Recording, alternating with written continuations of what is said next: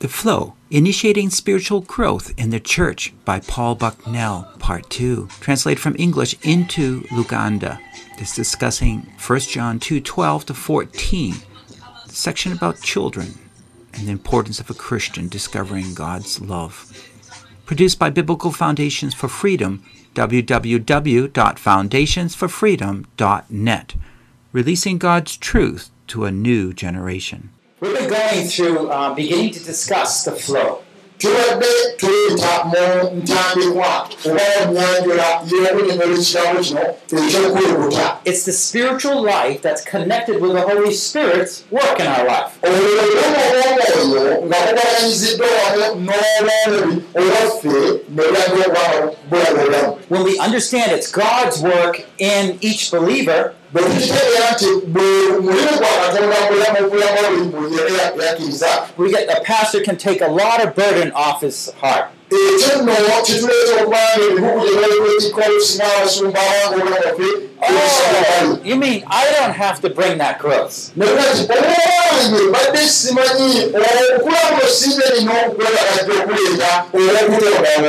God just is going to make that growth okulakulwawo I don't have time to go into more pastoral counseling, how we can help these believers. sirina nyo bbanga limala kubanga akunyonyola engeri ez'okulamu omulimu gw'okuleeta omusumba anaaba obulirira abantu okusobola okula obaokuwa amagezi ag'okula But we will later, um, we will more generally speak about this. naye tujja byogeramu mu ngeri yawomu And first of all, uh, in this session, we're going to talk about the children. How do you take care of a new believer? Omwana omuto yagaliwaka mu mwoyo wabulawo omuto omulyango otya omulabirira otya You see that little little is that girl right there?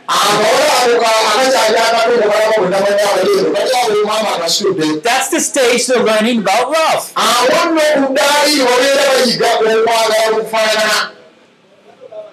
That little one likes to sit on your lap. But if I take my 14 year old boy and put him on my lap, how long is he going to stay there? omubiri Just a second. nnyo noluddekodda Instead, I, I wrestle with my brother, my son, and my, my older son just got me on the floor the other time. That was his first time. But you see the difference? But in the first stage, they're learning love. What is love, anyways? It's a sense of gentle, kind treatment. Mu ngeri y'okukakamu ate era nnungi Now, sometimes we could have a baby on our lap, and we're just smiling. But sometimes that same baby, maybe it's been upset. The baby's not sleeping, and you're grouchy, you aren't sleeping. The baby's there, but ng'empeero kasiyeyo Quiet down. Be good. Oh, I don't want you. You see what the difference is? Even a child might be close, but they're not getting that message of acceptance.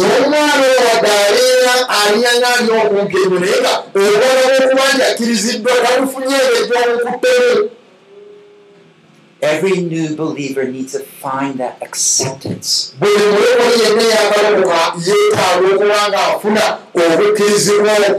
Through our love for them, even when they don't go to church, even when they don't read their Bible, they begin to understand how God constantly loves them.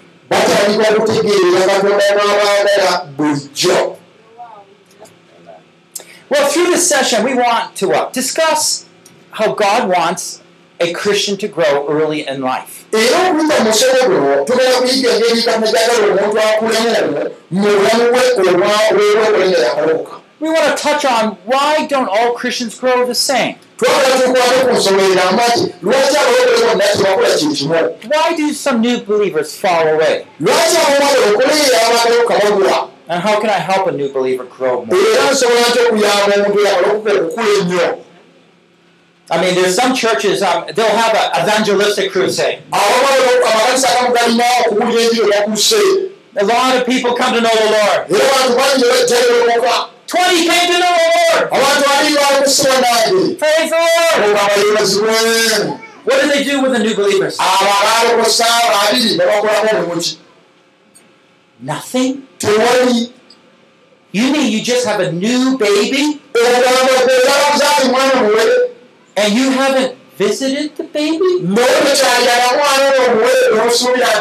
You haven't fed the new believer? How can you do that? You mean God brought a new life and you didn't take care of that? n'obwolabirira This is why Jesus always connects evangelism with discipleship. ensonga lwaki ye yesu mu kusomesa kwe akwataganya okubuulira enjiri n'okufuula abayigiriza Now, sometimes we're personally not able to follow people up, but we put them in contact with someone who can. Okay,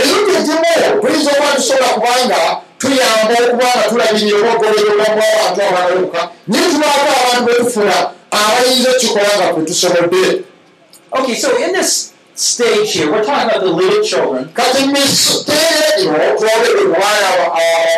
We want to understand how this group is different than, say, the young men.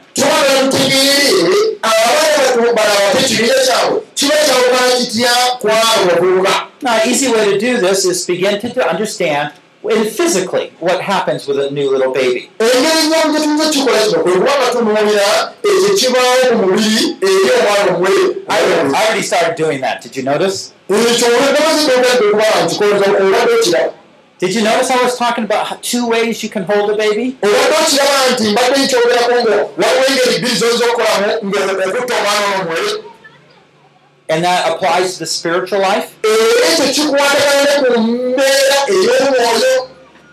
A new believer, I can show them constant acceptance from the Lord.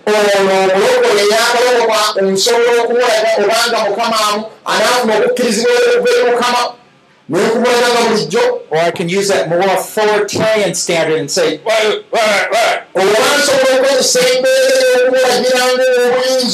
Nekugamba kino oteekwa oteekwa tekola if you're going to come to this church, you need to be like this.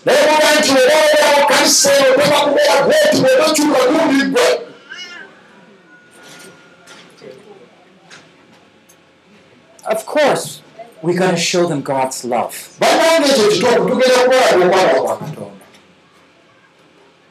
Because that's what children need. kubanga ekyo abaana kye beetaaga abaana abato How many, do you know any children that haven't received love from their parents? omanyiyo abaana abato abatafunye kwagalibwa kuva eri bazadde baabo Are you one that never received love from your parents? oli omu ku abo abatafuna kwagalibwa bazadde baabo Where are we going to learn that love? munnange tugenda kuyigirawa okwagala kuno We're going to go, and this is what I had to do. I had to go back to some scriptures. era nno kino kye nalinaza okukola nanze nali nina okugenda nate mu byawaliko ebimu And I had to learn from the spiritual side what it was for God the Father to love me, his child. naye mbanga njiga abaana ntegeera kikitegeeza ekyomwoyo katonda kitaffe okunjagala Even now, my dad never calls me. n'olwaliro luno kitange tankubira na simu He's 89 now. alina emyaka kinana mwenda baka He's not a believer yet, tannalokoka but I still show him love. naye era nkyamulaga okwagala But it wasn't always that way. naye bulijjo tebyabanga bwe butyo I had some problems, resentment inside. nange nalina ebizibu ng'omuntu nga mpulira mugaana mukyawa I had to learn to forgive, and love. nali nina okuyiga okusonyiwa era n'okwagala Because I've learned different things about my God the Father. kubanga bingi byenjigidde ku katonda wange kitange His love is everlasting. okwagala kwe kwa mirembe na mirembe Amen. amiina That means even when I am sinning, His love for me is still constant. ekyo kitegeeza nti nebwakubadde nga mbeera nyoona okwagala kwe gyendi kuba kukyaliwo ennaku zonna Now, He tells us clearly how He deals with disobedient children. You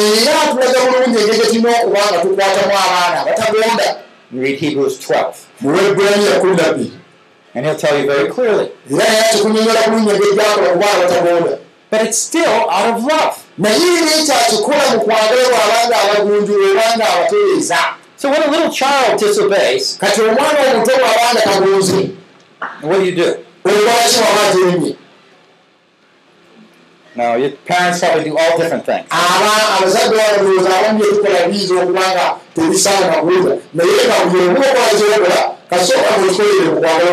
God says He chastises.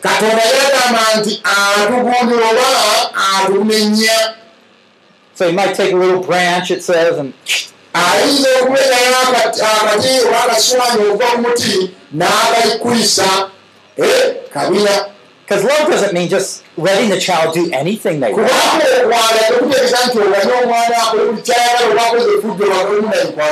Love means I'm going to guard that child so he will not be doing wrong. But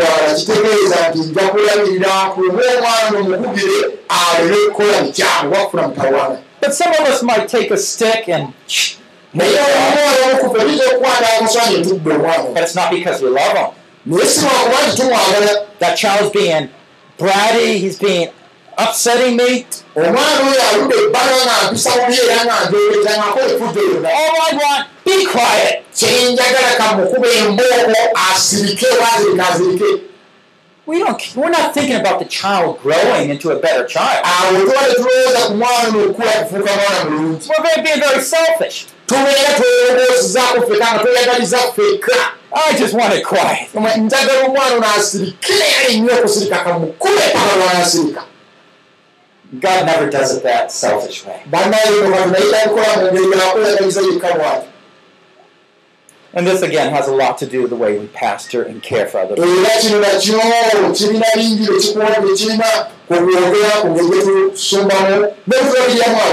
But I want to go back to the passage here because the teaching we're getting is from this passage in 1 John 2 12 to 14. naye ngeranzireyo mu kitundu olwasomye kuba byetuyiga bivamu yokaana walebaluwa esooka biri kumi nabiri bakulu kumi Now, if you have your Bibles open, I want you to tell me what he says to the children.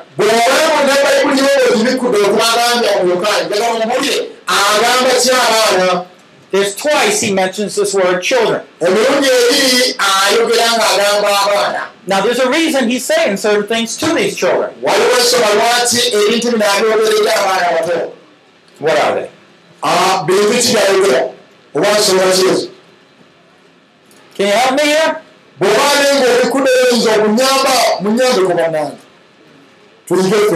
I'm writing to you, children, because you're what?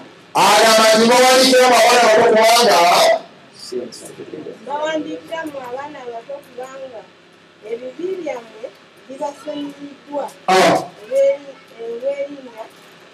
olw'erinnya lye mbawandiikira ndowooza kyekiba that I'm writing to you because your sins have been forgiven. Okay, good. Really? Uh, and that's one thing. Forgiven. kyawandiikidde abaana kubanga There's two more things we want to identify. ebibala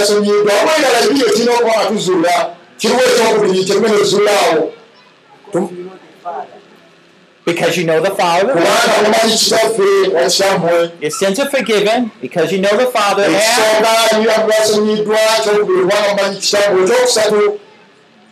one more. It's kind of snuck in there.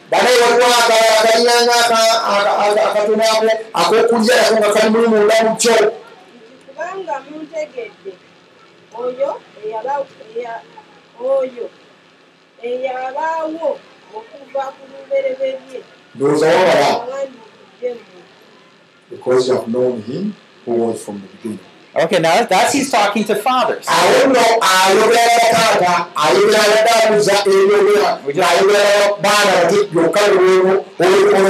Let me just tell you, say, He's forgiven you for His name's sake, for His name's sake. Okay, that's another phrase there. Akusonyiye ku lw'erinnya lye oba yabasonyiwa ku lw'erinnya lye Okay, so there's three things, and each of these things is going to be a teaching here. One has forgiven you. It was second of all, it's for His name's sake, and thirdly, it's from know the Father. You see, when someone comes to know the Lord, they're born of God.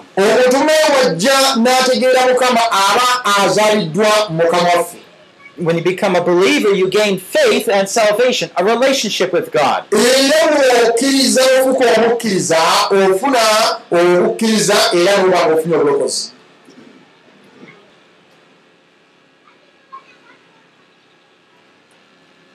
Okay, so the first thing we want to focus on is your sins are forgiven, this phrase.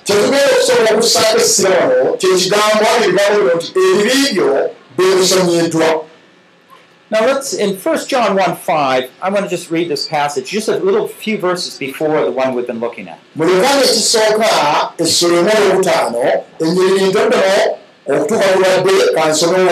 this is the message we have heard from him and announced to you that God is light and in him there's no darkness at all. nti katonda bwe musala era mu ye temuli kizikiza n'akamu oba kyonna By the way, this is summarized on a handout that you have with a um, one page that says number one. era ekyo kinnyonnyoddwa oba kifuuziddwa mu katundu akasooka akawulobweno olwandikiddwako nti ero Okay. weebale nyo oluganda So your sins are forgiven. ebibi byammwe bisonyiddwa This whole concept of sin is so important. ensonga eno ey'ebibi bannange enkulu nnyo okugirowoozaako When a person comes to know the Lord, they need to come to understand that their sins are forgiven.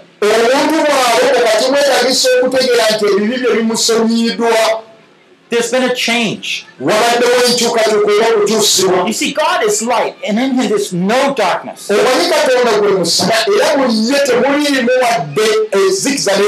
As creatures, we're all responsible to Him. The sins we're talking about is all those ways in our attitude and our behavior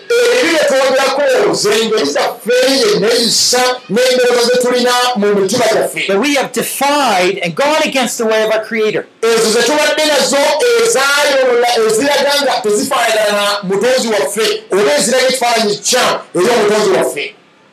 But now your sins are forgiven.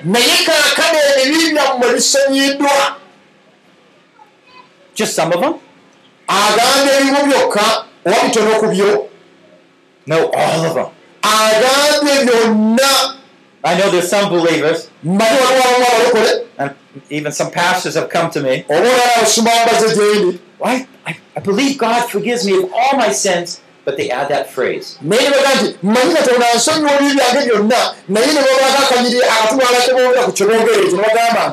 that one thing. Naye kino ekintu ekimu No, no. nedda As a new believer, God wants them to know He fully forgives them. ng'omulokole eyakalokoka asaanira ategeere nti katonda ayagala akimanye nti katonda amusonyidde eddaala ebyo byonna You see, what happens to a new believer is the first battle they face is this problem about forgiveness. They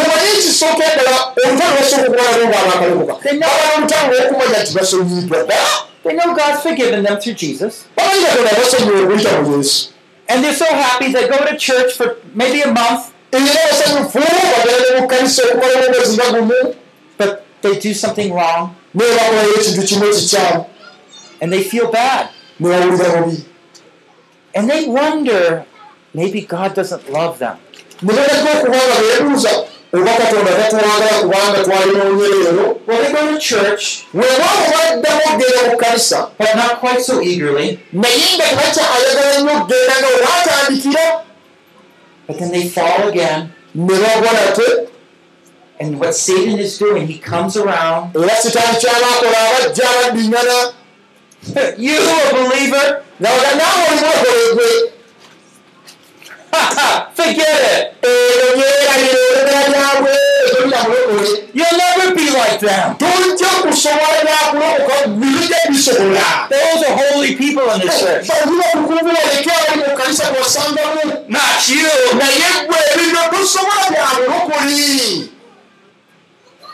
What does this new believer need to hear?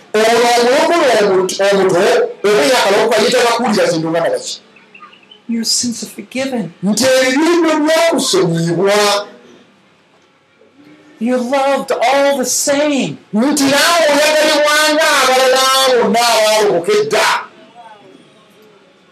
But what does the pastor say? You haven't come to church. Has he dealt with the problem?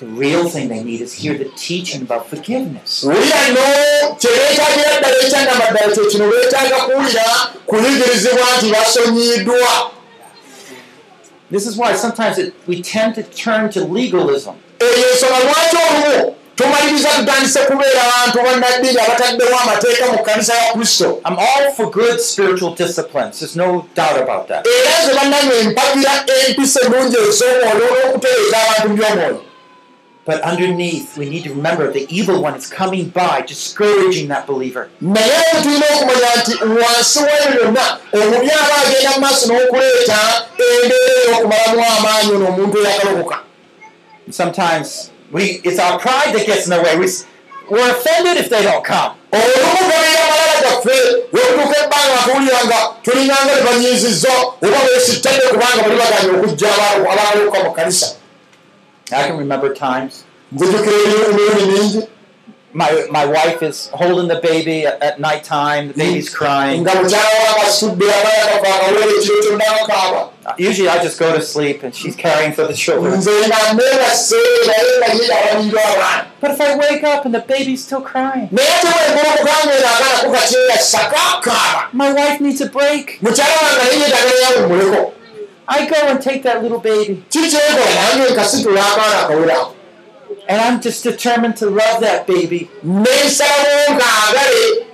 Give my wife a break. I'm just going to keep holding that baby because what it needs is love. Oh, I could give it a harsh word. ennyo That's not going to make a difference. Tekijja kyusa nsonga yebakukajja kweyongera kaaba bakuleekaana Don't we all need to be loved that way? Yeah, even when we get older.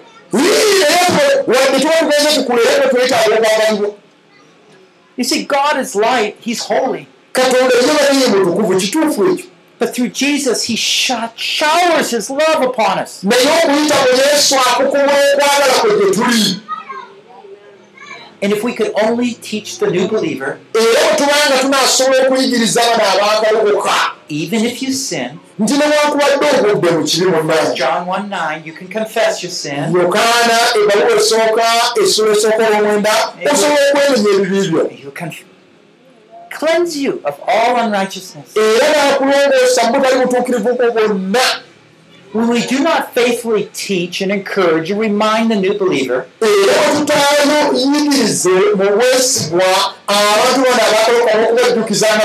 Satan will come in and step on that child, on that new believer again and again.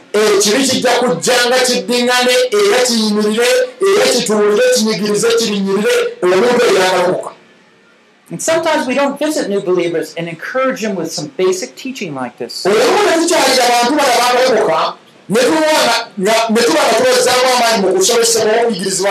I want to encourage you, each one, when the person comes to know the Lord, I want you to teach them about this new teaching.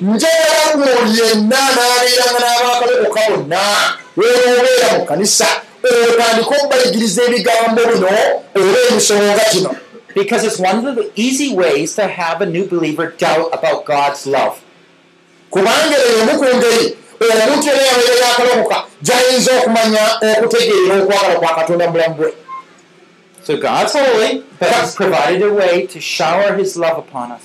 katonda mutukuvu naye ataddewo engeri ey'okuba nga akumulamu okwagala ku gye tuli And we need to thoroughly teach about forgiveness and what it is. era tulina okuyigiriza okusonyiwa kuno ne tukuyigiriza mu bulambalamba bwakwo era engeri gyekolebwamu When you know you're forgiven, wh- what is your response? bw'obanya nti wasonyibwa gwekola ekiruwa oba oddamu eri okusonyibwa okwo It's a thank you. ogamba weebale muddanga nsonyiye It's a wonder why would you ever love me? n'olwongera ogamba newanjagala kwokyoba You don't have to tell them to come to church. tewikyagala kumugamba nti owange kuŋŋaana To be there.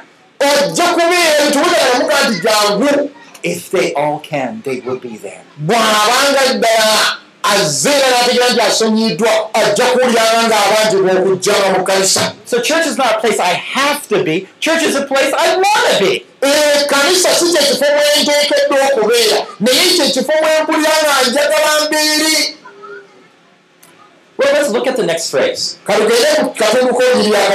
Your sins are forgiven you for his name's sake. lye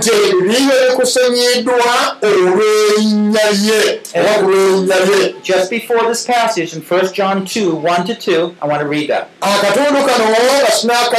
akatundu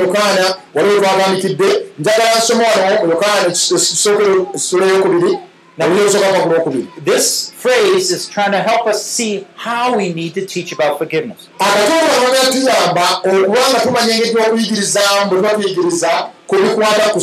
Because there's many wrong concepts of forgiveness.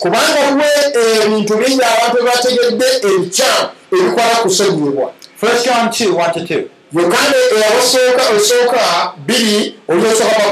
My little children, I'm writing these things to you that you may not sin.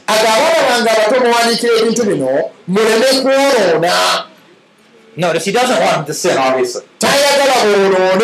And if anyone sins, we have an advocate with the Father, Jesus Christ the righteous. n'abagamba nti naye singa abawo omuntu omu ku mwanona tulina omuweereza eri kitaffe ye yesu kristo And he himself is a propitiation for our sins. ate ye gwe mutango olw'ebibi byaffe So this verse here acknowledges that we at times will sin. olunyiriri luno lukitegeeza ddala bulungi olukiraga nti emirundi egimu twonoona But because God is holy, 1 John 1 5, he's light,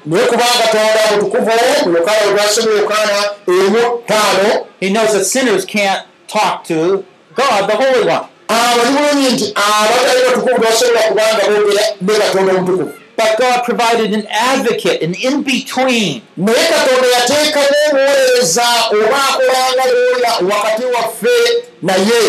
This word advocate is actually a lawyer. katonda omuweereza waffe abeeranga oli akuwolereza oba akuyambako nga oli mu kooti Say, for example, I did some crime. kalugeze ekyokuwerako singa mbaako omusango gwenziza obwanago I'm taken before the judge. ne bantwala amaaso g'omulamuzi And the judge says, You've done this, you've done this. omulamuzi n'agamba okoze kino okoze kino okoze na kino I'm guilty. ddala gunsinze But an advocate comes in. Naye ono omuweereza wange najja And that advocate stands between the judge and me. olwo And that advocate says, Yes, he might have fallen this way. But I'm going to take his place. If he owes you some money, I'll pay it. Set him free. If he needs his arm cut off because he stole, cut my arm off. Set him free. But he deserves death, kill me. Set him free.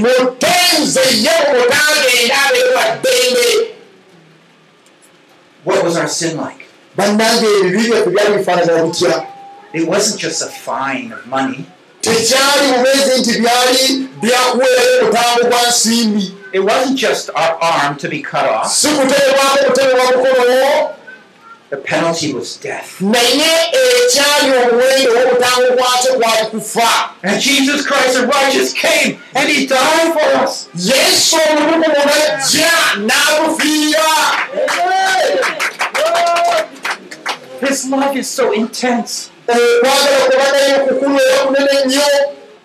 Now you need to remember, as John 5, uh, Romans 5, 8 says, He died for us while we were yet sinners.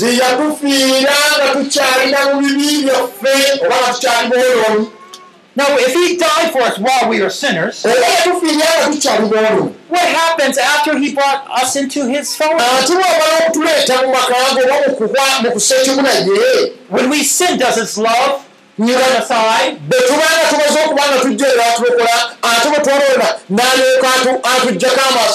I see sometimes a mom, uh, the child doesn't want to go somewhere.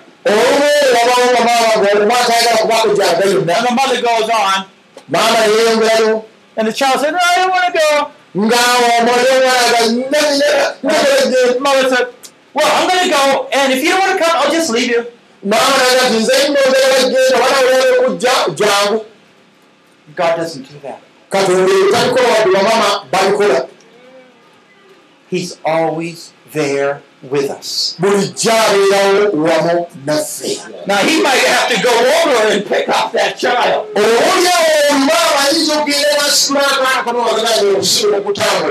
I've done that.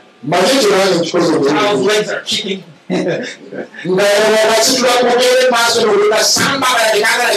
that child's going with me. Aren't you glad that God picks us up? Bwenange tukisingira ddagala naye agira n'atusigaolebanga esinga kweyongayo nakulawo maaso era ekyakikola because he loves us. Okay, so this teaching about for his name's sake is talking because of Jesus. Okay,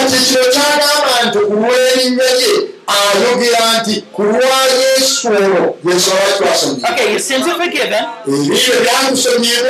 Are your sins forgiven because you're good? No.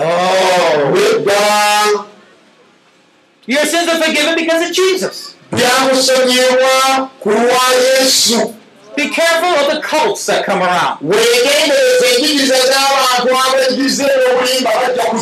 They want to say you have to evangelize before God is, loves you. Baagala bakugamba nti "Eh, osobola okubuulira enjiri They'll say you have to be come to church before God loves you. You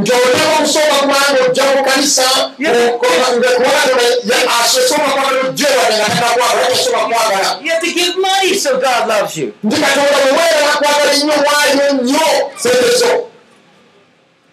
That's garbage. God loves us. And his love is constant. And when we've fallen, we have an advocate between God and us. And it was his sacrifice on the cross. Now I know a pastor might think, well, if I teach them this, then they're just going to go and sin and get away with things. Paul talks about that in Romans 6 and 7. pawulo akyogeramu abali ku mukaaga olw'omusanvu He says, no, you're still going to teach kisomesanga The reason is because this is the truth. Ekyamazima kye kino kubanga gano ge mazima Otherwise, you're going to have cults and false teaching come in, making people, believers, feel that their acceptance from God is based on their behavior. wuliriza bw'oba ekikolo kino ojja kubanga ofuna ezinajja balowo- balo- balowoozesa abakkiriza nti bye katonda okubakkiriza y'abasembeza kisinzira ku neeyisa yaabwe ku mpisa zaabwe bwe batambudde mu bulokole bwabwe Instead, the truth is, God wants us to know so that we're accepted because God chose to love us. Ephesians 1 3, he says, When did he choose us? Before the foundations of the earth. It says he chose us in his love. Did he choose you because you were good? mulungi It's like a market over here, right? Lots of melons. What do you do? You go look at the best melon. What did God do? He looked for the worst melon. Hey, this one needs some help. naga gyawoneretaga okuyamba ono And so what happens is the love of God motivates us. When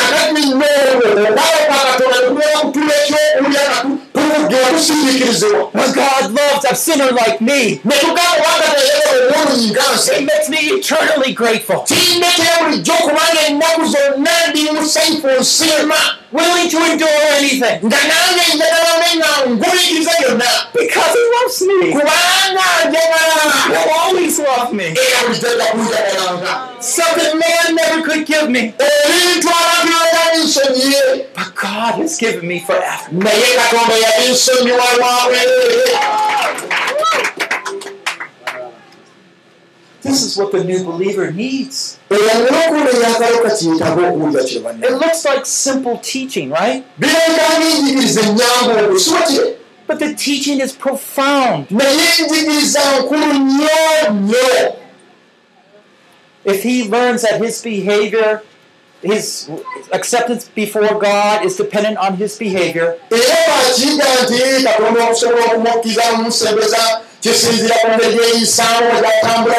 he will be susceptible to all sorts of false teaching. ajja kubanga mwangu nnyo wakukwatibwa njigiriza eza buli ngeri embi oba ez'obulimba And he won't have good concepts toward God as his father. era tajja kufuna kutegeera okumanya kutuufu kukwata katonda nga kitaawe I mean, you know, there's other faiths out there.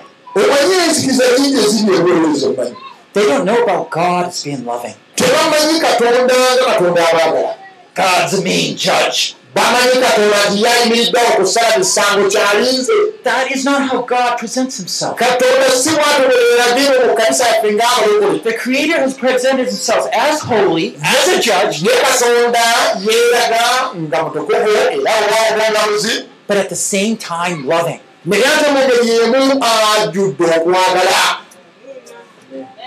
Those are two basic truths, just one more that John mentioned. gegalagayigirako Because you know the Father. I've written to you children because you know the Father. mumumanye So what is it like to know the Father? kitaffe What do you think he means by that? You're not just accepted into a religion called Christianity. You're not just belong in organization, disciples, or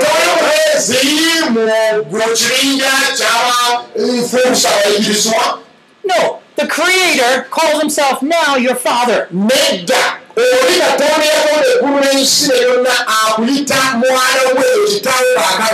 And as sons and daughters of the Lord, we need to begin to understand what that means. For some of us, we have concept of the Father as one which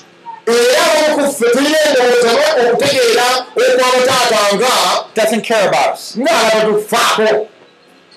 only hits us. That's the only time we see Him. He only is angry toward us.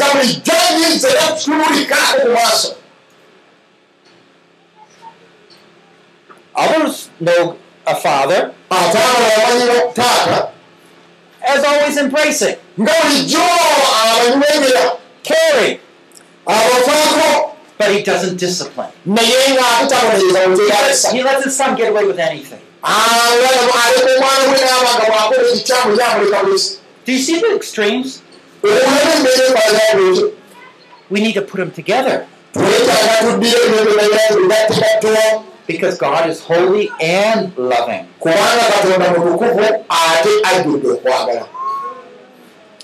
And so we need to learn how do you, how should I as a father care for my children?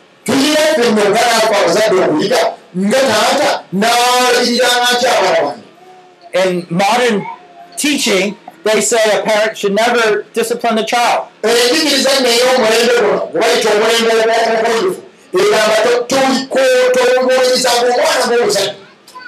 That's, that's horrible. Be careful what you read in the magazine or hear on a radio. tivi Love includes chastising.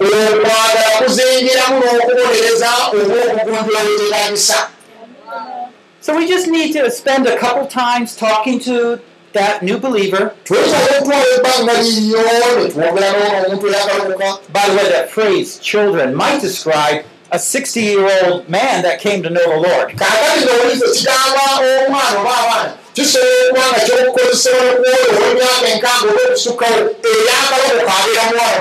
This is the first level of a new believer, and it, might be an old person.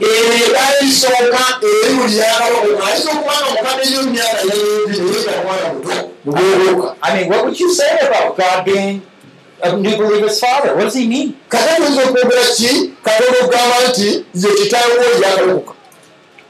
What would you say? Well, he cares for you. He cares about the development of that child.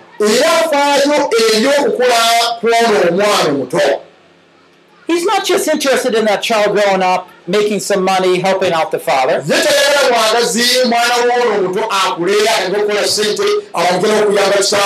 He's thinking about how to enrich that child's life so they can reach that full potential. alowooza ku kubanga engeri gyayambamu omwana ono asobole okuba nga omwana ono atuuka like little children. njagala abaana bala bato My, I have a little girl, eight years old, nina abaana abawala agatwako emyaka nga munaana and she likes to wear her older sister's shoes, her mom's shoes sometimes. yayagala yambala engatto za mu- mu- muganda omukulu oba maama we And maybe have some beads around her neck and a shawl or a sweater, you know, too big for her. Maybe she's looking like mom, you know. Children are like that. But she's, that's the design, remember? That little child's going to grow into the father's image. taata I'm telling you, this is really an honor for us, you know. How is it that God would want us to reflect Him? katonda yennyini ayagala tubeere nga tulina ekifaananyi kye muffe In our patience, nga naffe tusobola okugumiikiriza our kindness, n'okubeera ab'ekisa oba abasaasira our attitudes? era ne mu ndowooza zaffe ze tulina Yeah, we're God's representatives here on earth. ffe wano ku nsi ffe tukiikirira katonda bannange abantu batulaba balina kututumako ne balaba katonda kya- kyali So that father's looking at that son. Someday you'll be like me. ddala Projecting that image that And what are we to do with new believers?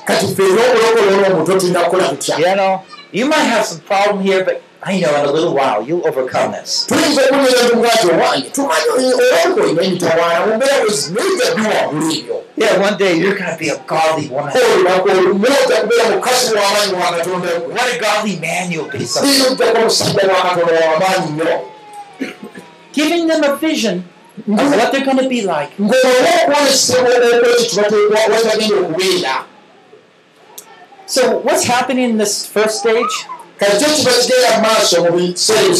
The new believer is securing trust from the love of God.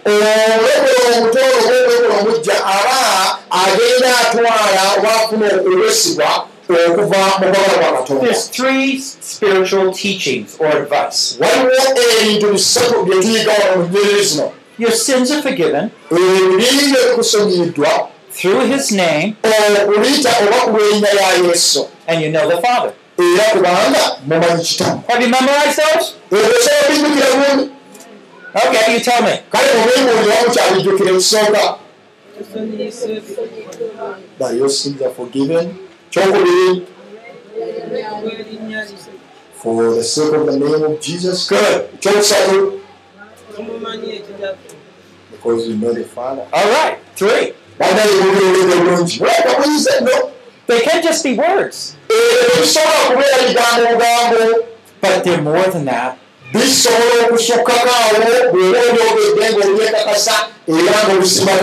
Deep concepts about how the child should perceive God and the world and himself.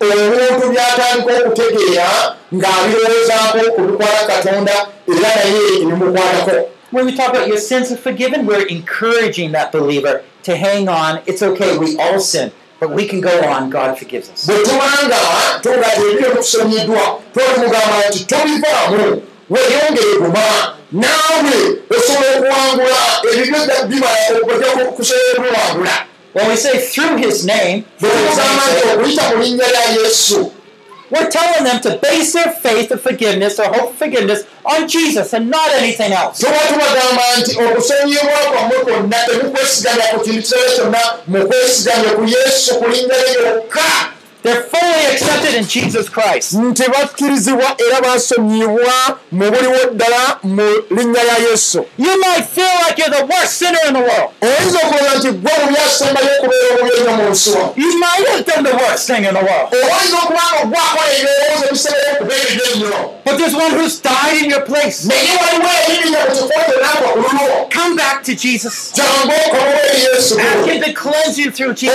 omusala akusa akutukuze And you can sit on your father's lap. And God will still use you.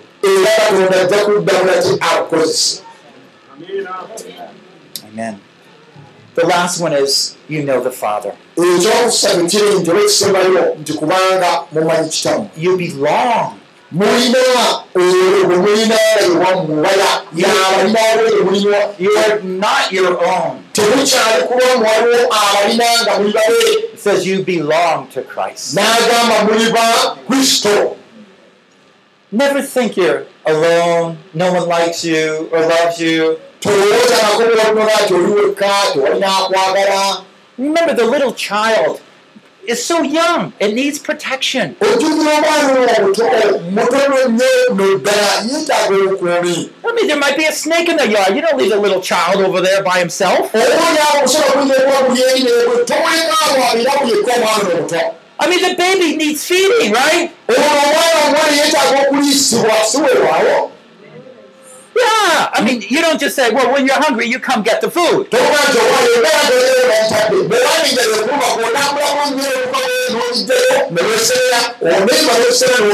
baby can't walk.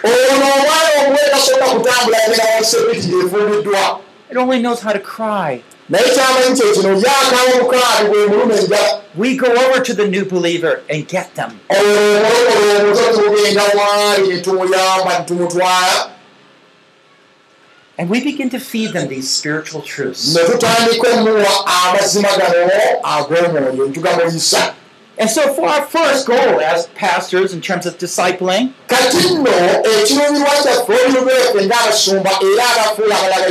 within a week, hopefully within days of becoming a new believer, we're going to take these, at least these three basic truths, and begin to go over them with that new believer. We are going to realize that new believer is insecure,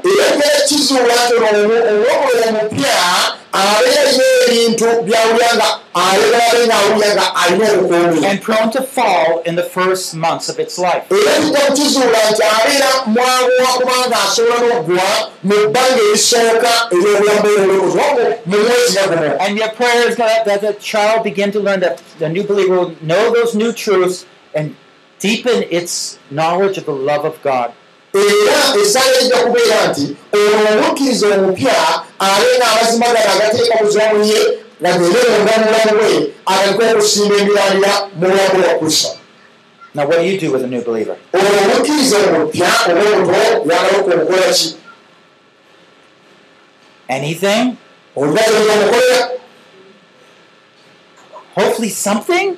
oba olyawo waliwo kyoyinza omukolera You wouldn't leave a baby stranded. toyinza kuddira mwana we n'omulekaawo nga omulesa ettayo You wouldn't allow the devil to come in and bring false teaching and discouragement.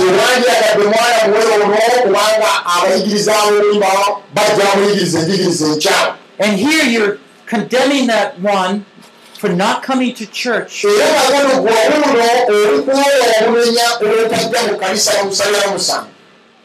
When really the truth is, I never taught that believer.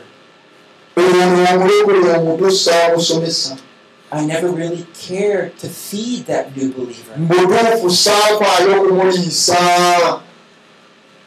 And I find my own sin. And I fall at the belie- new believer's feet. era nenzigakala wansi oba omulokole n'omutwe waali And I say, Forgive me for being an unfaithful pastor. mwesigwa I don't know how faithful you have been. It says in Hebrews 5 12, "Uh, You have come to need milk, amata not solid food. For everyone who partakes only of milk is not accustomed to the word of righteousness, for he is a babe. kubanga buli yenna asobola okulya emmere ewama amata abeera akyali mwana muto nga si mukulu New life will grow and thrive, but we need to guard it. We need to feed and nourish it. Twetaaga obuliisa era n'obuwa ebyokulya This child stage is not very long. Make sure whatever you do with a new believer, it includes special feeding.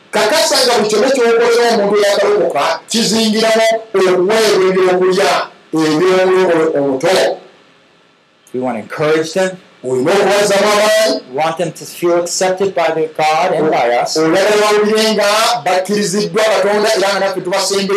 and that they belong forever.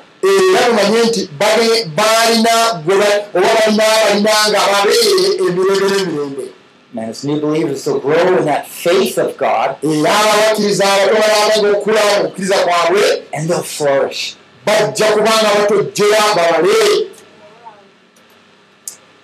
This is the established faith, is what we want to do for these new believers.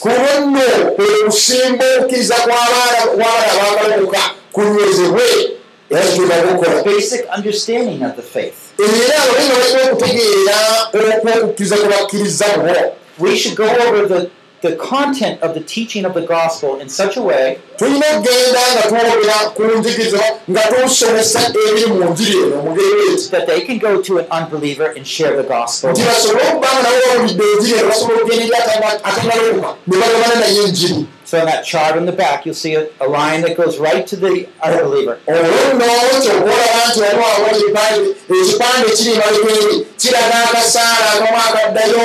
Oli agenda ku mwana nkafuluma eri eri abanoonya abatanalokoka I hope you learned about caring for new believers.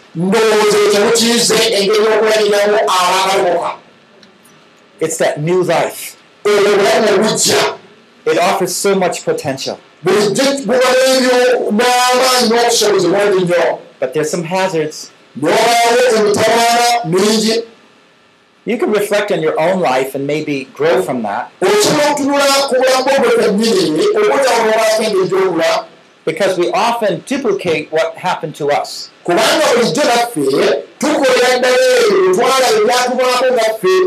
When you became a believer, did anyone specially care for you?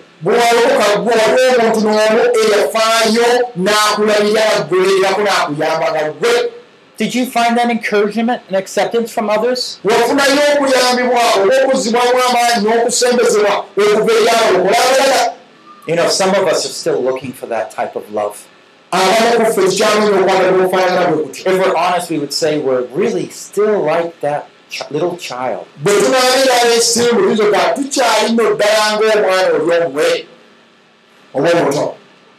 And so, even as pastors, era ng'abasumba we might dress up, tuyinza okwambala amasuuti but we want everyone to accept what we say. naye twagala buli muntu akkiriziganya ekitwogera akikkirize We, what we're really wanting is attention and acceptance. kyetuba twagala mu kiwulire kubeera kusibwako mwoyo bakuteekuweeba kiseera n'abantu tutunuulira If we don't gain it, we're threatened. bwe tutawuliranga abantu bataneyo omwoyo ku byekwogera tuwuliranga abatidde batiisa batiisidde batiisiddwa And can I just suggest this might be because you really never learned how God accepted you. kino gambe ninakyogera bwe nti oba kankyogere mu ngeri eno nti kyandibanga tewayiga nti katonda yakusembeza yakukkiriza And go back and begin to understand these basic teachings in your own life. Era bwoti naawe osobola okudda mpolampolerabira n'otunuulira n'osobola okutegeera ensomesa w'enjigiriza zino ez'obulamu bwaffe obwobulokole n'ozitegeeramu nga zina okubeera If you haven't learned that constant love of God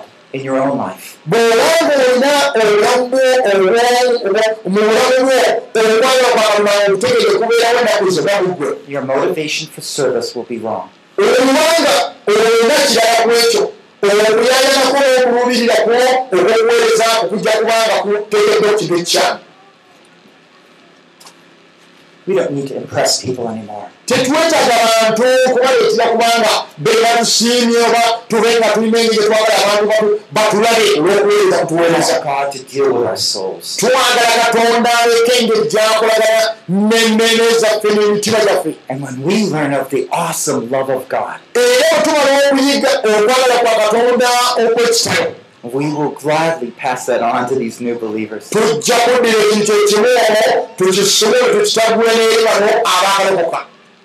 Can you join with me in prayer, seeking that God would reveal more of His love to us?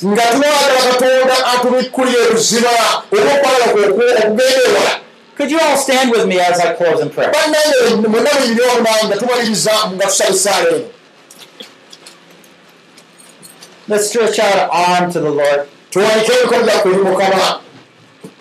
Oh, Father in heaven, ayi katonda kitaffe ali mu ggulu oh, how much we need your love. olwo nga tukwetaaga nnyo ssebo tunawo okwagala kwoyo nnyonnyini We're ashamed how little we know of your love. era tuswalira ddala kubanga tetumanyi kwagala ku mu bugazi bwako We try to impress people. tugezaako kubanga abantu betugezaako batusiime We never really learned about your love for us. tetunnayigira ddala kwagala koba muzira bumeneze us how much you love us, oh Lord. erujjo tuyigirize obuzima From everlasting to everlasting, you love us. okubanga otwagala okuva ku okutagwawo bakwetagwawo Oh Lord, please reveal your love mukama soboikula okwagala kwo more and more deeply. era tukutegeera obuzima bwako You want to use us to pass that love on to others. kubanga olwala tuwenga tusobola okwagala kwe kumu eri abalala Open our eyes to the deep love of God.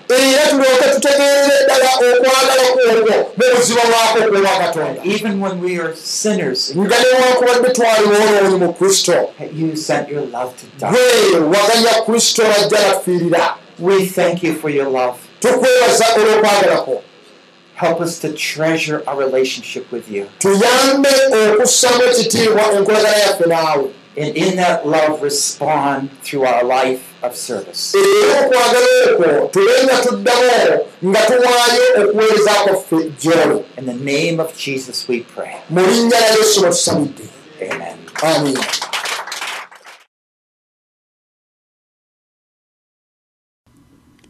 This concludes part 2 of The Flow, Children, from 1 John 2:12 to 14 by Paul Bucknell, translated from English into Luganda.